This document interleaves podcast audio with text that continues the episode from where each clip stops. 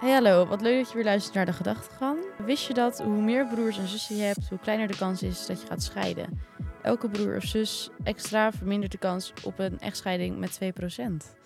En nou, ik zit hier vandaag uh, met Savannah en Annemarie. Kunnen jullie jezelf even voorstellen? Ja, nou, ik ben uh, Savannah Dekker. Ik kom uit Hillegom. Tweedejaars student aan de Hogeschool Utrecht en uh, studeer journalistiek. En ik ben Annemarie, ik kom uit Amersfoort, 22 jaar en uh, ook inderdaad uh, tweedejaars student journalistiek. Uh, we gaan het natuurlijk vandaag hebben over familie. En dat is natuurlijk niet voor altijd iedereen even positief. Kun je misschien jullie situatie een beetje uitleggen? Nou, mijn ouders zijn gescheiden sinds 2013, in ieder geval voor mijn optiek in ieder geval. En ik heb nog een oudere broer. En familievakanties deden we eigenlijk wel vrij regelmatig en zo. Maar uh, nou ja, mijn ouders zijn toen gescheiden. En eigenlijk sindsdien ben ik met mijn vader nooit meer op vakantie gegaan. Misschien eens een keer ergens een uitstapje naartoe. En voornamelijk met mijn moeder ben ik eigenlijk op vakantie gegaan. En mijn broer, vanwege zijn autisme en zo, vindt hij het altijd heel moeilijk om op vakantie te gaan. Dus okay.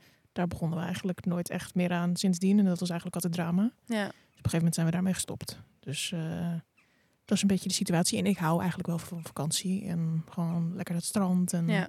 uitstapjes en dat soort dingen. Dus nou ja. Mijn moeder en ik gaan graag op vakantie oh, ja, eigenlijk. Okay.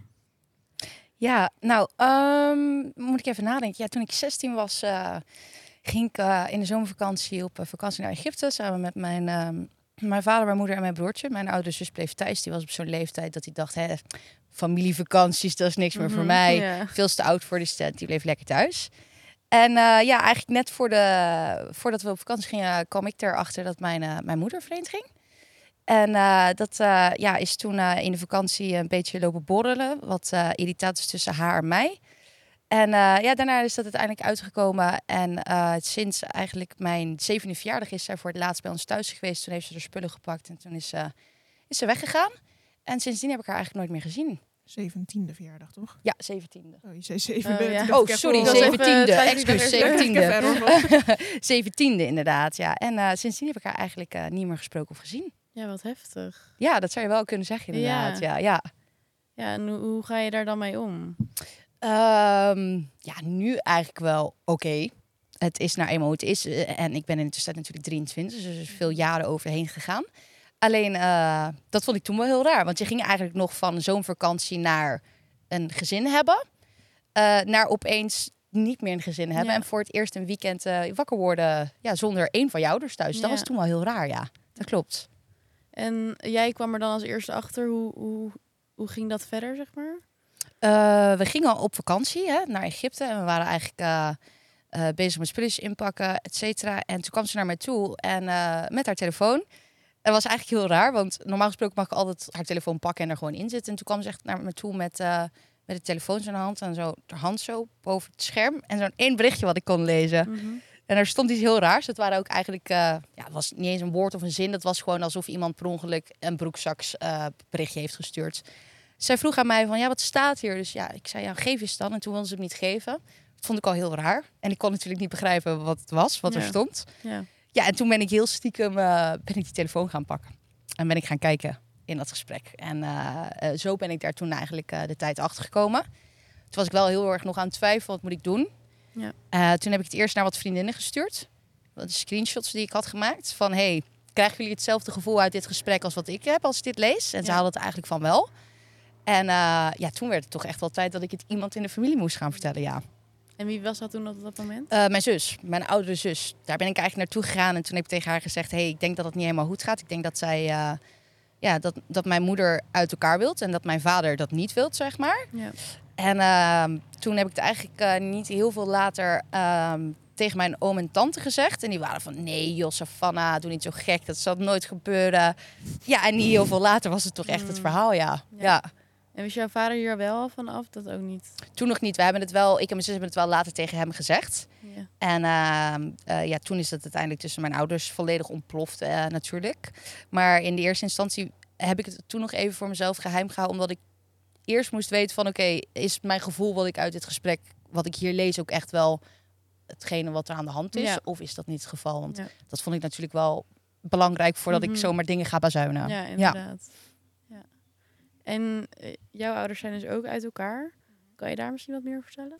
Nou ja, er is niet een specifiek moment dat mijn ouders echt besloten om uit elkaar te gaan. Het was vooral mijn moeder eigenlijk die op een gegeven moment... Zij was gewoon helemaal op, eigenlijk. En ze had het zwaar vanuit haar werk. En ze zat eigenlijk midden in een burn-out. En de zorg voor nou ja, mijn oudere broer, die was best wel intens op dat moment. En mijn vader is ook autistisch, dus dat maakt het gewoon af en toe in gesprekken en zo moeilijk. Zeker als je dan best wel moeilijke gesprekken ook voor een van je kinderen moet voeren in de zorg. Dus op een gegeven moment was mijn moeder gewoon helemaal op en heeft zij eigenlijk het besluit genomen om te gaan scheiden. En ze hebben nog wel relatietherapie en zo gehad, maar nou ja, op een gegeven moment merk je gewoon, nou dat werkt niet. En dan nou ja, heeft ze het besluit genomen. En ja, dat was niet echt een specifiek moment. Maar volgens mij hebben ze het, zoals ik het herinner in ieder geval, waren wij wel op vakantie toen ze het ons vertelden. En toen zaten we volgens mij in België, ergens op een camping. Mhm. En toen hebben ze echt een soort van ons bij elkaar verzameld en gezegd zo van... Ja, dit is de situatie en we gaan scheiden. En eigenlijk vond ik het wel direct een soort van oké. Dus ik had er niet echt paniek over of Ja. zo. Maar mijn broer die vindt het eigenlijk volgens mij nog steeds niet echt leuk of zo. Dus met hem praat ik er ook niet echt over. En hoe lang is het dan geleden? Ik denk dat het toen ik 15 was volgens mij uiteindelijk. Maar eigenlijk, we zijn al verhuisd toen eh, ik naar de middelbare school ging. En dat was in 2013. En toen hadden we eigenlijk dus twee huizen waar we woonden. Dus dat, dat Oh. echte familieleven en zo op één plek. En dan vanuit daar naar school gaan en zo, dat hadden we al niet eens echt. En wat was dat dan voor een reden? Eh, nou, mijn broer die moest net speciaal onderwijs. En dan word je altijd door zo'n busje opgehaald en zo. Maar dat loopt niet echt lekker. En mijn moeder wilde dat hij wat meer zelfstandig zou worden. Dus eh, toen zijn we verhuisd naar Amersfoort. En vanuit daar kon hij dan met de trein. En we woonden in de Bijbelbelt. En mijn moeder wilde eigenlijk dat ik gewoon naar een openbare middelba- eh, middelbare school ging. Mhm. Dus eh, toen hebben we eigenlijk besloten op te verhuizen naar Amersfoort voor de zelfstandigheid van mijn broer en dat ik naar een andere school kon. Dus op die manier hebben we daar een appartementje gekocht. En dan in de weekenden gingen we wel weer terug naar het huis.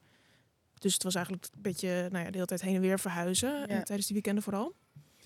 Maar ja, dat breekt natuurlijk op een gegeven moment wel een beetje je, je ritme ook op en zo. En op een gegeven moment heb je je leven gewoon waar ook je school is. Ja, En als dan je ouders uit elkaar gaan, ja, dat verandert dan niet zo heel veel, omdat je ze toch al niet zo heel vaak meer samen zag. Ja. Maar zo'n moment dan inderdaad dat ze het dan vertellen, dan denk je wel, oh, oké. En dan krijg je vooral van die officiële gebeurtenissen, dat je dan Mm. naar zo'n kinderrechtadvocaat moet, die dan in gesprek gaat en zo met je. ja. Want Maar ja. jouw, jouw vader woonde dan nog in het, soort in het oude huis? En oké. Daar hadden we ook nog bijvoorbeeld huisdieren en zo, dus dan ging hij daar de zorg voor opnemen, Oh, dat ja. soort dingen. En zijn werk was daar ook dichterbij.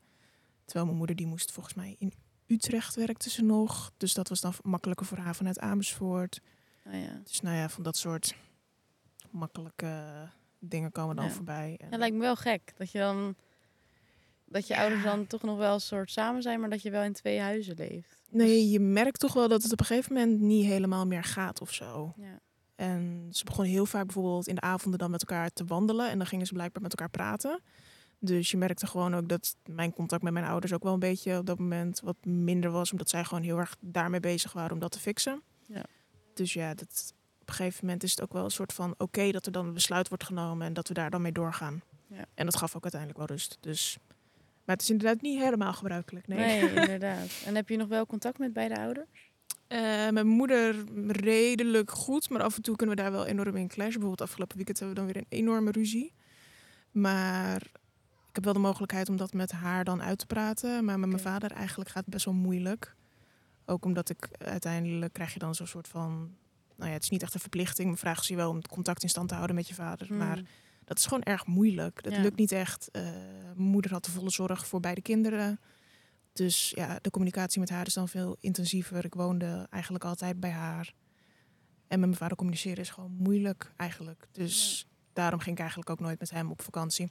En wat ook wel een dingetje was toen ze nog samen waren, omdat mijn broer best wel veel tijd opnam in de familie, heeft op een gegeven moment blijkbaar een moeder van een vriendin van mij ooit eens een keer tegen mijn moeder gezegd van zorg je nog wel voor je andere kind. En dat was best wel een beetje confronterend voor mijn moeder, maar sindsdien eigenlijk hebben mijn moeder en ik een soort van weekendjes, uitstapjes altijd met elkaar gepland dat we bijvoorbeeld naar een hotel gingen en dat we daar dan lekker uit eten gingen en dan Ja. konden we even uit die situatie. En dat hebben we Mm. eigenlijk tien jaar of zo wel gedaan. En op een Ja. gegeven moment zijn we regelmatig bijvoorbeeld naar Ameland gegaan en dan gingen we daar samen paardrijden en Ja. Dat was dan een beetje de situatie. Dus dat waren echt wel van die nou ja, vakantiemomentjes die wel... ja, ook wel fijne momentjes van je, voor jou, denk ik dan. Ja, ook. heel erg eigenlijk. Dat Ja. ik echt dacht zo van, oh, zo kan het ook zijn. En veel relaxter en minder stress. Dat je niet alles van tevoren hoeft in te plannen. En Ja. dat je de hele tijd een soort van dan om je broer heen van alles en nog wat Ja, moet gaan bedenken van, kan die dit wel eten? Wil die dit wel eten? Gaat hij niet helemaal overprikkeld worden? Hmm. Dat soort dingen. Ja, en jij bent dan een kopkind, hoe ze het dan noemen. Ja. Kan je daar iets meer over uitleggen? ja, de afkorting staat voor kind van ouders met psychologische problemen. En dat, nou ja, mijn moeder heeft dus wel last van burn-out, maar ook wel depressies en zo. Dus dat maakt het af en toe moeilijk. Maar ook voornamelijk inderdaad richting mijn vader met zijn autisme. Dat communiceren gewoon, die connectie heel moeilijk maakt in die gesprekken. Ja. En ja, dat, het, het is niet echt per se een term die ik gewoon in mijn dagelijks leven gebruik. Maar het, het duidt wel aan zo van, hé, hey, daar is wel iets aan de hand dat niet helemaal, nou ja, soepel gaat. Ja. Dus dat is, het, het is vooral een handige term om het uit te leggen en zo. Ja. En uh, nou ja, dat een beetje, ja. En vooral eigenlijk ook degene die ik wel vaker gebruik is bijvoorbeeld brusje. En dat is bijvoorbeeld een broer of zusje van een, uh, van een ander kind dat uh, nou ja, meer aandacht nodig heeft, meer, Oh ja. meer zorg nodig heeft. Ja. En dat is wel eentje die nou ja, redelijk wat bekender is volgens mij. Ja. Dus die gebruik ik wel ietsje vaker. Ook omdat je het vroeger had je van die brusjescursussen en zo. Oh. En dat, de- ik heb dat nog nooit gehad. Omdat ze op een gegeven moment zeiden zo van ja, we krijgen te weinig aanmeldingen. Dus die heb ik nog nooit gekregen. Maar ik was toen al wel bekend met die term. Dus dat zijn een beetje van die afkortingen die dan nou ja, Ja. helpen om een beetje aan je informatie te komen. En te denken zo van oh, ik ben niet de enige in deze situatie. Hmm. Als ik die term intyp op Google bijvoorbeeld, dan kan je wel wat verhalen ja. opdiepen van mensen die dit ook hebben. En zijn jullie altijd beide open over je eh, situatie? Ja, Ja, denk, best wel. ja, denk ik denk wel dat we kunnen zeggen dat we beide al wel heel open zijn over onze thuissituatie. Ja.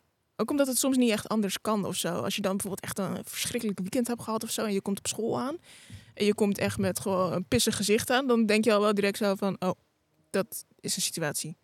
En dan kan je gewoon even bij elkaar zeggen zo van, oh, ging weer even helemaal van het sportje af, zullen we zeggen. Dit ging niet lekker. Dus het is ook wel gewoon richting elkaar makkelijk om even te communiceren. En te zeggen zo van, nee, ging even niet zo heel lekker. Ja. En dat je dan voor elkaar ook misschien een beetje een soort van buffer bent in de klas of zo. Want als ik bijvoorbeeld een hele slechte dag heb gehad en Savannah weet dat, dat ze een beetje een soort van een afleider kan zijn voor de docenten. En andersom ook een beetje. Of nou ja, dat soort dingen. Ja. Ja. Ik vind het ook wel belangrijk om er open over te zijn, omdat het, ehm, ik denk dat niet specifiek mijn verhaal of jouw verhaal, maar ik denk dat het best wel veel voorkomt, dit soort problemen, hè, waar, waar jongeren tegenaan lopen. En ehm, eh, dat er daarnaast ook nog met alle andere verplichtingen die je hebt in het leven. Want hè, ondanks dat ja, het bij mij thuis zo lastig gaat en bij jou thuis, moeten we ook gewoon nog ons ding blijven doen. Ja. Dus ja, als ik dat dan allemaal voor mezelf moet houden en dan daarnaast ook gewoon het dagelijks leven gewoon nog moet, moet gaan doen, ja, dan gaat het ook een keer te veel worden, toch? Ja. Dus dan is het, vind ik eigenlijk altijd alleen maar fijn dat, dat iemand weet, hoeft niet gelijk iedereen het te weten natuurlijk, hè, maar als je iemand hebt die een beetje vertrouwen kan nemen, die weet wat er aan de hand is, dat die gewoon af en toe een beetje rekening met je kan houden of snapt waar bepaald iets van hangt, is toch wel heel fijn. ja, dat je inderdaad niet met een soort van pissig gezicht rondloopt. En dat ze denken zo van, oh, ze mogen me niet. Maar het ligt gewoon ergens anders aan. Ja, En dat kan je soms gewoon niet helemaal direct loslaten. Dus dan inderdaad iemand die er vanaf weet en die je even kan vertellen. En ook dat je inderdaad gewoon een beetje advies soms bij elkaar kan zoeken. Misschien zo van, goh, ik moet weer een moeilijk gesprek aangaan met bijvoorbeeld moeder. Of hè, hoe ga ik dit nou weer precies aanpakken? Dat je dan even kan vragen, zo van, goh, hoe zou jij dat dan doen? Dat is ook wel heel lekker. Dat je een Ja. beetje steun aan elkaar ervaart. En wie is die persoon dan voor jullie waar je dan je verhaal kwijt kan?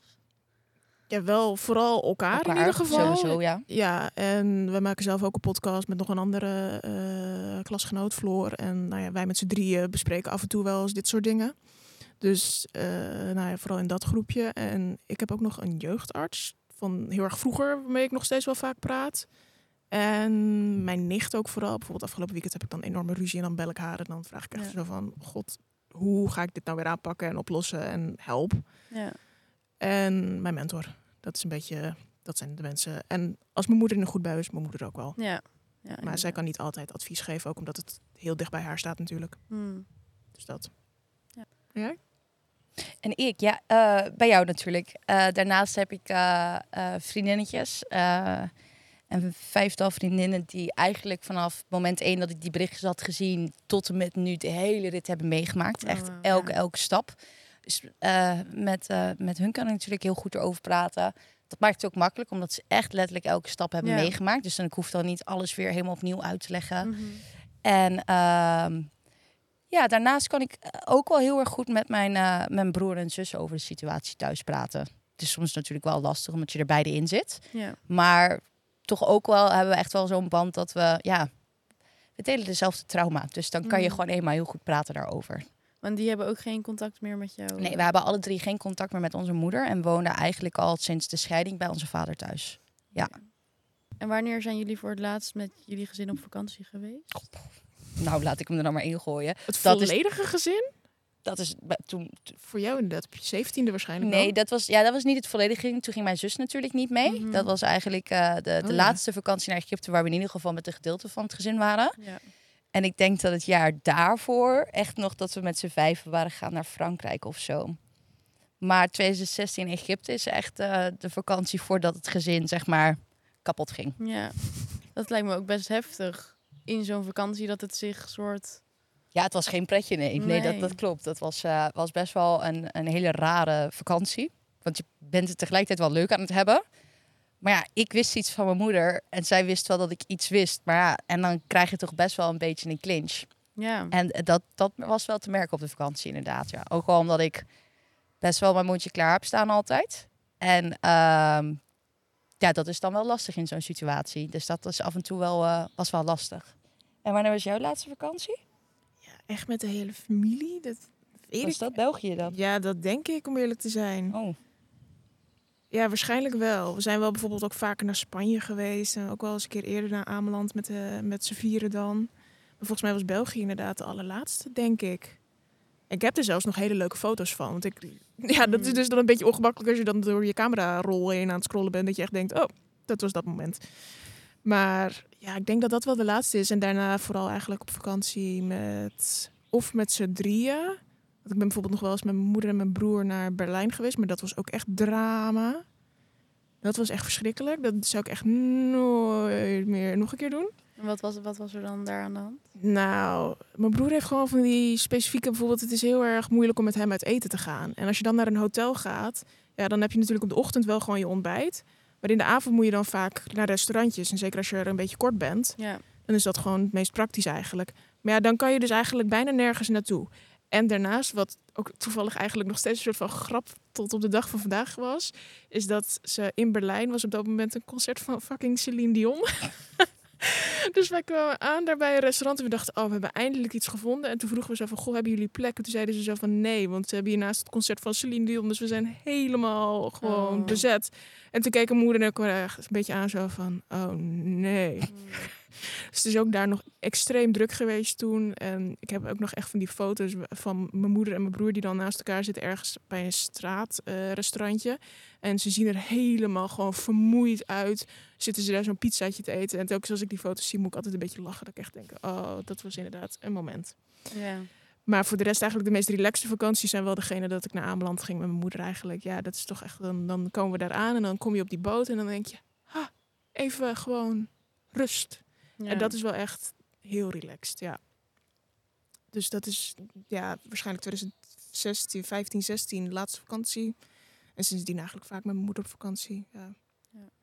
En jij, heb jij wel eh, vakantie met de familie eh, nog recent gehad? Ehm, nou, eigenlijk de laatste drie jaar, twee jaar, twee jaar zijn we eigenlijk niet meer op vakantie gegaan.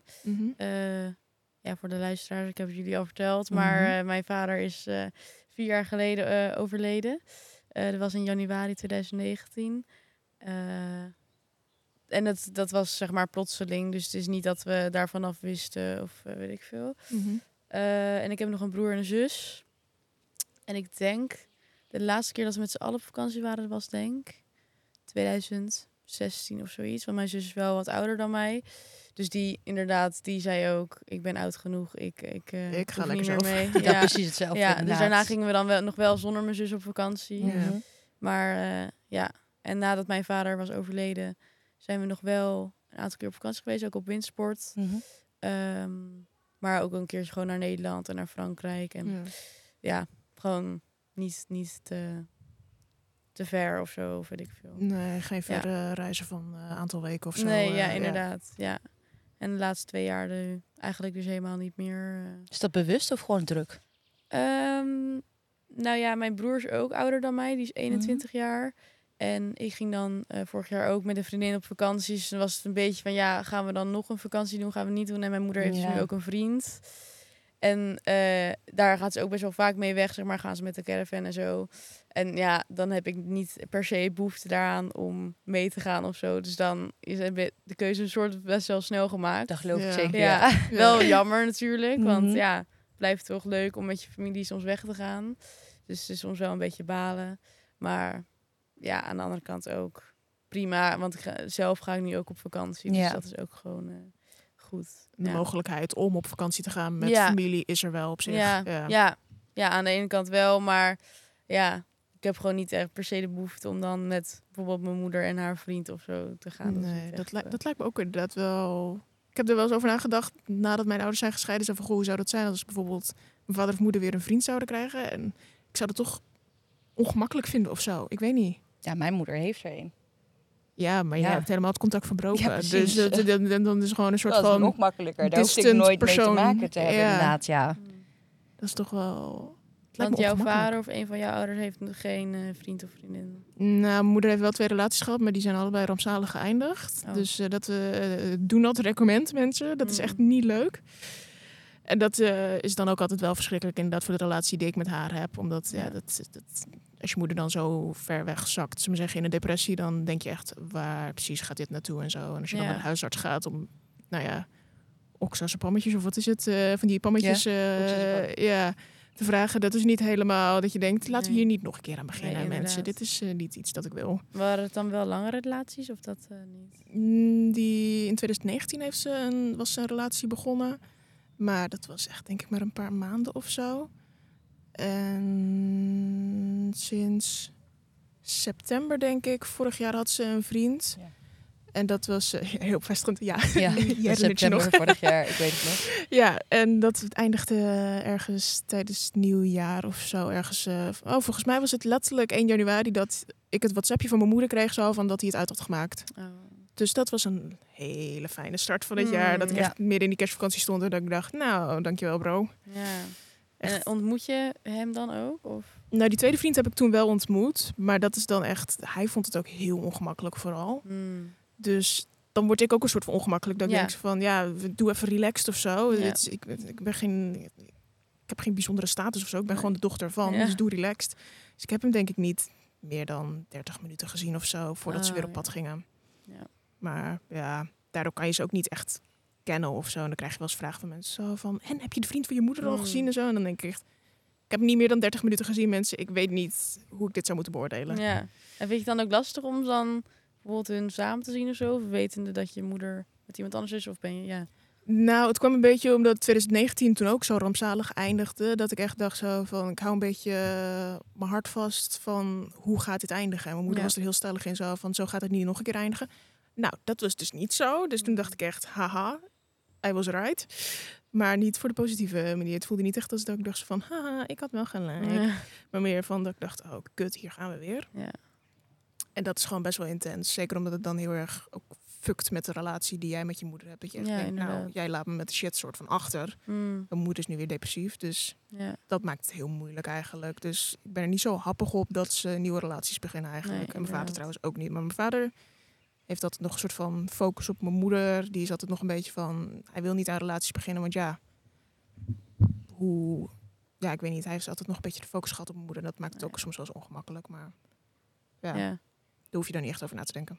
Ja. Ja, Dat klopt wel, inderdaad. Ja. Ja. dat is wel makkelijker. ja. En jouw vader? Nee, nee mijn, ik denk ook dat hij echt het graf in gaat zonder vriendin. Ja, weet ik 100% zeker. Nee, mijn vader heeft nu eh, twee eh, best wel eh, flink mislukte relaties gehad. Die echt wel, eh, echt wel goed soep in zijn gelopen. Nee, die vertrouwt echt geen enkele vrouw meer. Dat weet ik zeker. En ja, mijn moeder die is nog steeds samen met, met de vent waar ze mee vreemd was gegaan inderdaad. En die doen het denk ik best goed zo samen. Hmm. Die hebben denk ik heel gelukkig. En ehm, Heb je hem wel eens gesproken? Hij heeft wel eens geprobeerd in het begin met mij contact te zoeken. Oh. Daar was ik toen niet zo, vond ik niet heel fijn. Nee, dat snap ik. En eh, voor de rest zeg ik altijd, ik heb echt geen kwaad woord naar hem. Het zou vast gewoon een prima vent zijn. Eh, ik denk dat hij zelf niet zo heel dat, dat hij niet volledig op de hoogte was van dat zij nog een gezin had toen de tijd en Ja. een man en zo. Dus daarom neem ik het hem ook niet helemaal kwalijk. Eh, maar het zal gewoon nooit niet mijn vriend worden. En dat hoeft het gelukkig ook niet te worden. Want ja, ik heb nou eenmaal niks met hem te maken. En ook niet met mijn moeder. Dus dat maakt het wel heel makkelijk. Dus ja, ik heb alleen mijn vader. En eh, die, eh, die doet het nu eh, lekker gewoon prima alleen. Ja. En vond jij het moeilijk eigenlijk? Ja, nou ja, ehm, mijn, mijn vader is dus in 2019, begin van het jaar, overleden. En ik denk, ja, mijn moeder was, tuurlijk, vond ze het super heftig. Ze waren gewoon nog hartstikke gelukkig samen. En als dit niet was gebeurd, dan had ik ook volle vertrouwen in dat het eigenlijk gewoon, dat ze samen oud zouden worden, zeg maar. Dus ze was er eerst best wel kapot van, maar ze was best wel alleen ook. eh, snel. Ze voelde zich heel eenzaam. En ja, dus dat, dat was natuurlijk wel super sneu om te zien. En natuurlijk, wij waren er wel. En ja, ik woon nog thuis, mijn broer dan ook. Mijn zus is eh, laatst dan uit huis gegaan. Maar toch, ja, houdt ze ervan om gewoon samen met iemand te zijn. Dus toen eh, ik zag ik een keer een dating app op haar, op haar, op haar telefoon staan. Toen dacht ik, huh? Ik wist is nog niet nou? dat ze daarmee bezig was. Dus ik zeg, wat is dit? Zegt ze, ja, ja, gewoon, gewoon even kijken of zo. Dus ik dacht, nou, Gewoon even kijken? Ja. Even de hengel uitgooien, Ja. kijken of er iets had, toch? Ja, het mag af en toe ook. Ik snap het helemaal. Dus toen had ze eerst contact met iemand, maar dat was een beetje, ja, gewoon een beetje snel verlopen. En toen eh, daarna zag ik wel eens gewoon op haar telefoon, net zoals bij jou, gewoon dat je normaal kon ik alles pakken en zo. Mhm. En toen was het wel een beetje van, toen had ze er ook opeens een code op gezet, zeg maar. Ja, en dan weet je Dat er wat, dan weet je dat er wat aan de hand is. Dat is echt. gek. Dus eh, ja, toen zei ze, ja, ik ga een weekendje weg eh, naar een vriendin toe. Die wil wat, verder. Dus ik dacht, ja, prima. Mm. Mhm. Maar ik had een een van haar vermoeden en toen was ze weg. En toen eh, nou, ging ik snel mijn broer en mijn zus erbij halen. Ik zeg, dit klopt niet. Dit, dit kan bijna niet waar zijn.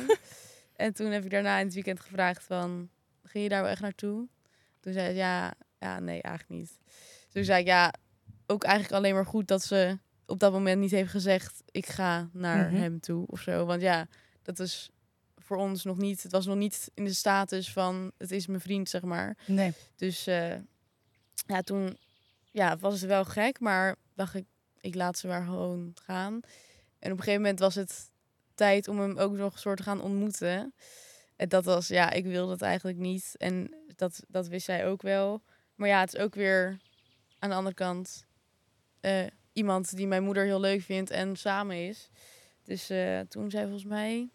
Oh ja, we waren toen een weekendje weg naar de camping. Ehm, met het gezin toen wel. En eh, ja, toen kwamen we allemaal een nachtje slapen. Mijn moeder stond daar twee weken. En eh, ja, toen kwam hij dus ook. En we waren dus ook nog met eh, hele goede vrienden van ons. Dus het was niet in een setting van... je zit met z'n vijven aan tafel en je moet met elkaar praten. Het was gewoon meer... we waren gewoon aan het barbecuen en hij zat er een beetje bij. Dus het was op zich wel een luchtige ontmoeting. Maar Mhm. wel gek of zo. Om mijn, ja, om mijn moeder dan een soort met iemand anders samen te zien of zo. Ja. En nu zijn ze dan, volgens mij, ik denk twee jaar samen of zoiets. Dus ja, hij komt ook eigenlijk gewoon bij ons thuis. En zij gaat ook vaak naar hem toe. Dus het blijft gek. En als ik er het had mogen kiezen, had ik gezegd nee. Maar ik zie wel mijn moeder gelukkig. Dus dat, ja, dat is wel... Eigenlijk het belangrijkste Ja. voor je. Ja. Dus dat je haar gunt uiteindelijk. Ja, dat- ja. Dat ze weer iemand vindt. Ja, Ja. inderdaad. Ja.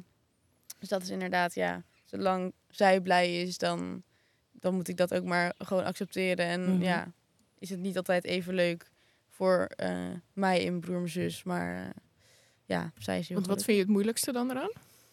Ehm, ja, ik denk dat er, dat er gewoon iemand anders in huis is dan eh, mijn vader, denk ik. Ja, vooral omdat het dus... eh, ze zijn een soort niet gescheiden. Met- Het had niet... Ja, ik denk dat had niet zo moeten zijn of zo dan. Ja. Zo, ik weet niet. Maar ja, gewoon omdat ze... Ze waren nog gewoon gelukkig. Dus dat is misschien vooral het, het lastigste wel. Maar ik weet ook Ja. wel dat mijn vader wel wil dat mijn moeder natuurlijk gelukkig is. En ja, dat hij dat misschien dan ook wel zo had gewild. Maar ja, wel gewoon gek dat hij dan nog steeds gewoon bij ons thuis komt. En toch, Ja. ja. Opeens gewoon een plek heeft en Ja, ja. ja. dat blijft dan toch wel een soort gek of zo. Ik weet niet. ja. Ook wel begrijpelijk om eerlijk te zijn. Ja, want het is tuurlijk. natuurlijk gewoon jouw vader. En die moet ook gewoon voor jou waarschijnlijk nog een plekje hebben ergens. Mhm. Ja. ja, dus dan denk ik ook wel soms een soort van... Of vindt mijn moeder het niet meer lastig of zo? Dus ik, dat, dat- ik dacht eerst, oh, ze is er een soort overheen, het is gebeurd en ze gaat door. Maar ja, dat is natuurlijk ook niet zo. Ze, Nee. ja, ze is nog steeds iemand verloren, zeg maar. Ja. En zij zegt ook, ja, ik kan een nieuwe eh, partner vinden. Of hoe je dat eh, wil noemen. Maar ik krijg nooit meer een nieuwe vader, zeg maar. Dus dat vindt zij ook wel lastig, zeg Ja. maar. Ja, ze is wel, ja, gek. Maar Het voelt dan heel definitief waarschijnlijk dat er een soort van hoofdstuk is afgesloten. Terwijl je denkt zo van, ja maar hallo, ja, hoe ga ik... Ja, het hoofdstuk is je eigenlijk ontnomen. ja dat meer. Ja. En eh, dat is eh, natuurlijk heel, het, het heel, heel lastig. Maar daardoor maakt het het nog lastiger als er dan opeens iemand anders weer in het leven komt. En een soort van niet per se dat hoofdstuk gaat voortzetten als een andere persoon. Maar hij, ja, hij is daar wel als de nieuwe liefde van jouw moeder. Terwijl Ja. het in de tijd voor jou was het altijd jouw vader natuurlijk. En die is ontnomen, dat stukje hoofdstuk. Dus Ja. ik snap dat wel heel goed. Ja. Maar het is natuurlijk ook zoals je zelf zegt, je begrijpt ook de andere kant. Mhm. En dat maakt het soms denk ik wel heel erg lastig voor jouzelf. Dat je een beetje in het twee zit, zit kan zitten qua Ja. gevoelens. Ja, inderdaad. Ja. ja, aan de ene kant ben ik heel blij voor mijn moeder, maar aan de Mhm. andere kant, ja, ja, word ik er niet soort, ja, dat het van mij niet per se had gehoeven, zeg maar, in mijn Nee. situatie natuurlijk. En het is een, een, een prima man en eh, hij weet ook dat hij niet de rol van mijn vader hoeft in te nemen. Want Nee. ja, dat is gewoon niet waar wij, dat hoef ik, dat hoef ik en mijn broer eh, zo ook niet. Dus ja, we hadden het, eh, het had erger kunnen zijn en mijn moeder is gewoon eh, gelukkig. Dus eh, ja, het is nu ook wel een soort tijd geleden of zo. Ik weet niet, het gaat er dan toch... Ik was toen, toen hij overleed, was ik 13. Dus toch een soort... Gek is dat, hè? Ja, De tijd gaat zo snel. Het is toe. vliegt Ja. opeens inderdaad voorbij soms. dat Ja. is zo gek eigenlijk, ja. Nee, dat herken ik op zich wel ook inderdaad. Toen mijn moeder een nieuwe vriend had, toen ik echt dacht zo van... Ik kon er echt bijna een soort van agressief van worden. Zo van, goh, mijn vader heb ik eigenlijk nooit echt een goede relatie mee gehad. Maar stel, deze vriend zou dan nu opeens een soort van vaderlijk gedrag gaan vertonen. Zou ik daar echt niet mee om Mhm. kunnen gaan. Ja. Daar zou ik echt wel een beetje agressief van worden of zo. Dat ik Ja, denk, nou ja, ik had dat dus wel met eh, de eh, vriend van, eh, van mijn moeder. ja. Ik, eh, mijn ouders waren toen eh, net gescheiden en de hele reutemeteut was, eh, was ingegaan. Het is een hele lange, moeizame, pijnlijke, super vervelende scheiding geweest. Waarin we een tijdje ook echt wel heel weinig centjes hadden. Zo weinig dat ik echt wel eens eh 10 kilo was afgevallen. Waaronder ook natuurlijk stress, maar de hele factoren kwamen erbij. Ja, en toen dacht hij dus van... hey, laat ik haar eens een DM sturen met... goh, meisje, pas je wel goed op jezelf? Ja, dat schoot zo het verkeerde keelgat, jongen, toen. Dat Ja, ik. bijna die hele telefoon vloog... eh, ja, worden. die telefoon Ja. vloog bijna door de... En ik dacht, wie denkt hij wel? En Mm. ja, tuurlijk... Hij bedoelt het waarschijnlijk goed, maar toen dacht ik echt... welke kronkel heb jij in je hoofd zit dat je denkt van... poh, ik zal dat meisje eens even een, een DM'tje sturen. Ja. Ja. dat was voor mij toen heel, heel moeilijk ja, inderdaad ook. ik. Dus ik kan het ook echt wel begrijpen dat, je, dat, dat het Ja. niet fijn is om opeens iemand anders een rol van een van jouw twee ouders in te Mm. laten nemen. En ben jij niet eens so- soms nog benieuwd naar hoe, hoe het met je... Want je hebt helemaal geen contact eigenlijk ook niet. Ja, we hebben natuurlijk wel eh, af en toe contact met haar gehad vanuit het feit dat de scheidingen natuurlijk geregeld moesten worden. Ja. En eh, wij hebben daarin eh, heel erg veel geholpen. Mijn vader heel erg veel geholpen, omdat dat, ja, dat kon gewoon niet anders. Anders kon het gewoon allemaal niet geregeld worden. Dus daarin hebben wij wel een stukje ja, verantwoordelijkheid moeten dragen bij bepaalde dingen, wat eigenlijk beter misschien niet had gemoeten. Vanuit het kindsperspectief natuurlijk, hè, daar moet een kind zich gewoon niet mee bemoeien, maar dat is toen ja, niet anders. Ja. Eh, dus ja, af en toe wanneer er bepaalde mails geregeld moesten worden of de advocaten moesten bij elkaar zitten, zeg maar, dan ging mijn zus bijvoorbeeld wel mee om mijn eh, vader bij te staan en dan eh, moet je contact hebben. Eh, maar dat was ook het enige contact wat er was. Maar buiten dat om, nee. Nee, ik heb zoiets van, ehm, zij is, ehm, eh, als ik haar zie, ik heb haar natuurlijk wel eens voor gewoon. Zij werkt ook nog in het dorp waar ik woon, dus af en toe kan ik haar zien. Ik kwam haar één keer heel awkward tegen bij de dokter. Oh, Toen kwam ik zo in de, in de zitten. Ik ging zitten en ik draai om en ik kijk er zo recht aan. En ik zat dus ook met mijn vader. En toen dacht ik, oh, dit is heel awkward. Ja. Eh, maar het is ook wel zo, als ik haar zie, dan herken ik haar wel als mijn moeder natuurlijk. Hè. De, de uiterlijke kenmerken zitten er wel. Ja. Eh, maar qua binnenkant is ze heel anders. Ze is gewoon niet meer de moeder waar ik mee op ben gegroeid. En ehm, ja, dat is wel heel erg zwaar. Want dan denk je wel eens van, oh, misschien wil ik toch wel contact met mijn moeder of zo. En dan, hè. Ehm, dus dus eh, som- voor mij eh, vond ik het heel lastig om wel de moeder te zien, maar niet meer de moeder te voelen, zeg maar. Dat het echt mijn moeder is als ze haar mond open doet en in haar doen en laten en zo. En daardoor heb ik ook echt wel eh, het gevoel van heel snel al gekregen met ja, met jou hoef ik geen contact. Want ik word eigenlijk alleen maar heel erg verdrietig eh, nadat ik met jou ook maar in een manier van contact heb gehad. Ja. Omdat u gewoon echt zo'n totaal andere persoon bent. En dat vond ik toen eh, echt wel heel lastig. En vanuit daaruit eh, echt wel gekozen van ja, ik wil nu gewoon geen contact. En dat dachten we uiteindelijk alle drie natuurlijk. Dus Mm. dat maakte het wel heel veel makkelijker. Ja. Ehm, dus nee, nee, ik heb niet per se dat ik echt haar mis of zo. Dat niet. Het is natuurlijk wel lastig soms. Maar eh, ik heb liever geen contact dan wel contact. Omdat ik weet dat het wel contact gewoon zoveel meer gezeur en problemen met zich mee gaat brengen. En eigenlijk alleen maar een negatievere sfeer heeft dan dat het iets positiefs in mijn leven kan brengen. En daarin vind ik ook altijd, hè, als ik een toxische relatie heb die heel erg slecht voor mij is, dan zou iedereen tegen mij zeggen: Yo, daar moet je misschien mee stoppen, want het is niet goed voor jou. Maar wanneer mijn moeder, zeg maar, hartstikke niet goed voor mijn omgeving is en voor mijn welzijn, zeg maar, eh, dan vindt iedereen het raar dat ik geen contact meer heb met mijn moeder. Ja. Terwijl daar gaat het het eigenlijk om dat Mhm. ik, zeg maar, profijt. Nou, niet eens profijt, maar je moet je goed bij het contact voelen. En anders zou je dat toch niet doen. Je gaat toch niet met Nee. iemand samen blijven. Daar zou iedereen voor gek voor verklaren. Ja, dat is ook waar. Dus toen heb ik toch echt wel gekozen voor mezelf. En gewoon gedacht van ja, nou, het is gewoon wat ik wil. En ik wil geen contact. En Ja. dat is het belangrijkste wel. En wat gebeurt er dan als je haar tegenkomt? Ja, bij mij niet zo heel veel. Ehm, ik weet wel, ehm, ze vindt het heel lastig dat ze geen contact heeft met ons. En vanuit de moedersperspectief kan ik dat begrijpen. Hè? De, Ja. Elke moeder zou dat lastig vinden. Eh, dus mijn broertje was nog onder de 14. Moet je naar de kinderrecht tot en met 14? Is het tot en met 14 of tot en met Ik 13? dacht dat het minderjarige dus tot en met 18 lijkt Nee, me. het is niet tot en met 18, het is tot en met 14 of zo. Oh, Vanaf 14 mag je geloof ik bepalen of vanaf 13 bij welke van de ouders je gaat wonen. Mijn broertje was natuurlijk nog op die leeftijd. Dus ja, die moest echt naar de kinderrechter komen. En de kinderrechter vertellen waarom hij geen contact met, met mijn moeder wilde. Mhm. Ik en mijn zus die konden gewoon zeggen... Yo, wij willen geen contact met jou. En dat probleem was opgelost. Ja. Hij moest echt naar de kinderrechter. En eh, hij mocht dat ook echt wel kiezen. Hij heeft duidelijk uitgelegd waarom de kinderrechter, waarom hij dat wilde. De kinderrechter heeft ook eh, tegen mijn moeder gezegd van, nou ja, dit is het oordeel. En ik, eh, als advies geef ik u mee om daadwerkelijk ook echt naar die kinderen te luisteren. Nou, dat is niet gebeurd. Want eh, ja, mijn, mijn broertje was natuurlijk onder de 18. Dus dat was ook het kind waar ze de touwtjes aan kon gaan trekken. Hmm. En dat is er ook wel gebeurd. Ze was altijd aan het bellen met school. Mijn broertje zat op uh, deed toneel op school en had hij een voorstelling. En eh, ging ze opeens kaartjes kopen, ging ze stiekem naar zijn voorstelling kijken. En dan moest hij net voordat hij op het podium kwam, kwam hij erachter dat ze in, in, het, in het publiek zat. Want een docent had het verteld tegen hem. Ja, dan hebben wij een, een huilend 15-jarig, 14-jarig Ja. kindje aan de telefoon. Ja, mama is hier, mama is hier. Oh, Ja. Ja, die loopt in Hoofddorp rond en zij woont dan in Hoofddorp. En eh, die ziet hem en hij is met al zijn vriendjes en die hebben al jaren geen contact meer gehad. En ze weet ook heel duidelijk dat hij geen enkel contact wilt. Ja. En die gaat dan midden in het openbaar, op een, gewoon op een plein, super druk, eh, hem lopen roepen. Ja, ik ben wel je moeder, kom met me praten. Ja, daar schaam je Oh. toch voor rot.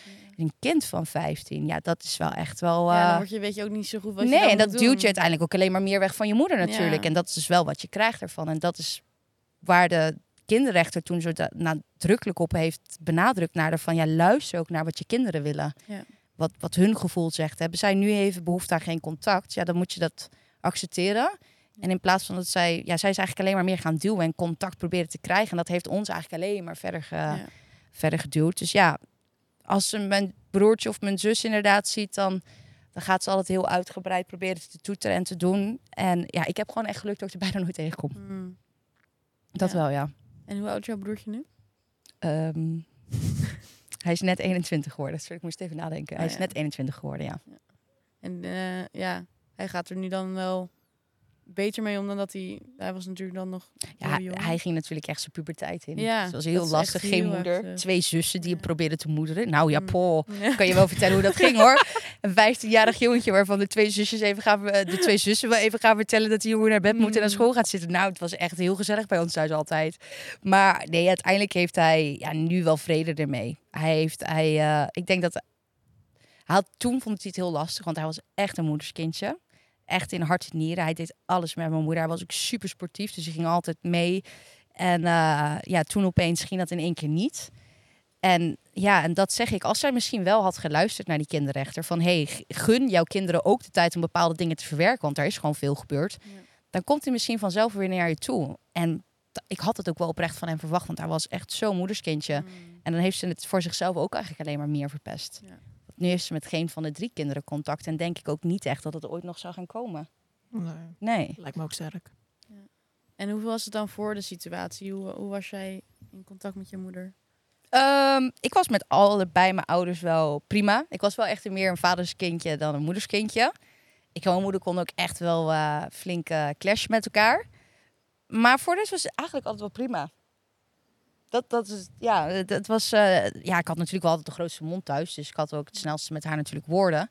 Maar nee, ik was eigenlijk altijd heel goed. Mijn moeder was heel sportief en ik ben zelf ook heel sportief. Dus we gingen altijd samen naar de sportschool of hè, dingen doen. En ehm, heel ons gezin was sportief. Dus eh, naar de judo en naar de paardrijden en dansen en dit en dat. Dus Ja. het was gewoon eigenlijk altijd eh, prima wel. Hmm. Ja, totdat het zo in één keer kan ontstaan Ja. dan, hè?